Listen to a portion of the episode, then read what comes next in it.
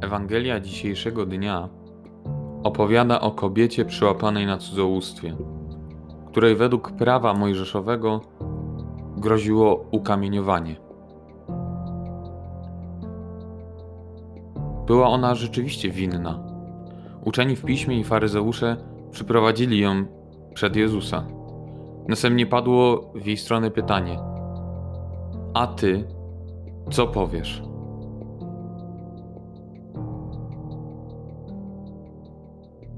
Zabieg ten nie miał na celu wypełnienie prawa, czyli doprowadzenie do ukamieniowania kobiety, lecz był pretekstem do znalezienia przysłowiowego haka na Chrystusa. Odpowiedzią Pana na to jest milczenie, które jest o wiele bardziej wymowne niż napominanie.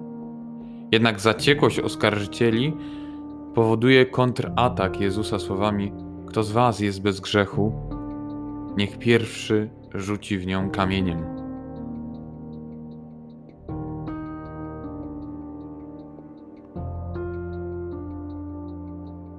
Teraz milczenie objęło również niedoszłych oprawców.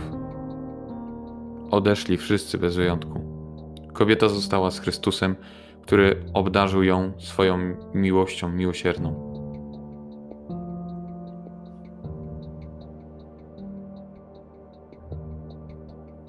Ile podobnych sytuacji wydarzyło się w moim życiu?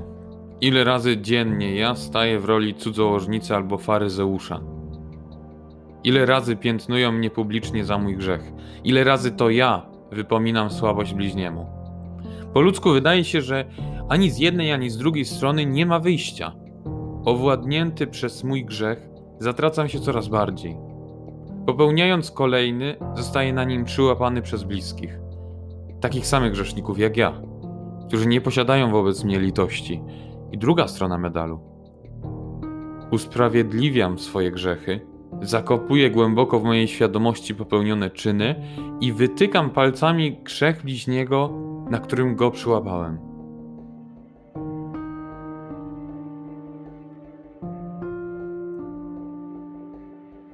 Jak w tej sytuacji znaleźć wyjście i podjąć pierwszy krok?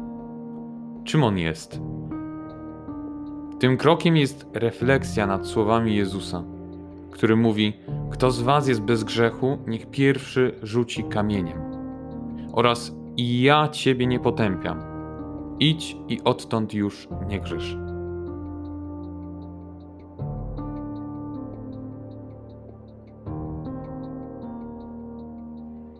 Wywołały one poruszenie ich sumienia, które zmusiło ich do podjęcia refleksji na temat swojej bezgrzeszności.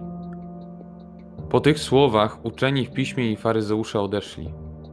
Cudzołożnica natomiast pozostała sam na sam z Chrystusem, który mógł rzucić w nią kamieniem, bo on był bez grzechu.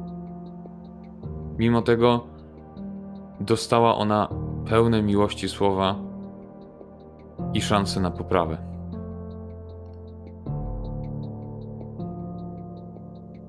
Bracie, siostro, w kończącym się Wielkim Poście, chwyć się dzisiejszego słowa skierowanego do, do każdego z nas i podejmij wyzwanie refleksji nad nim.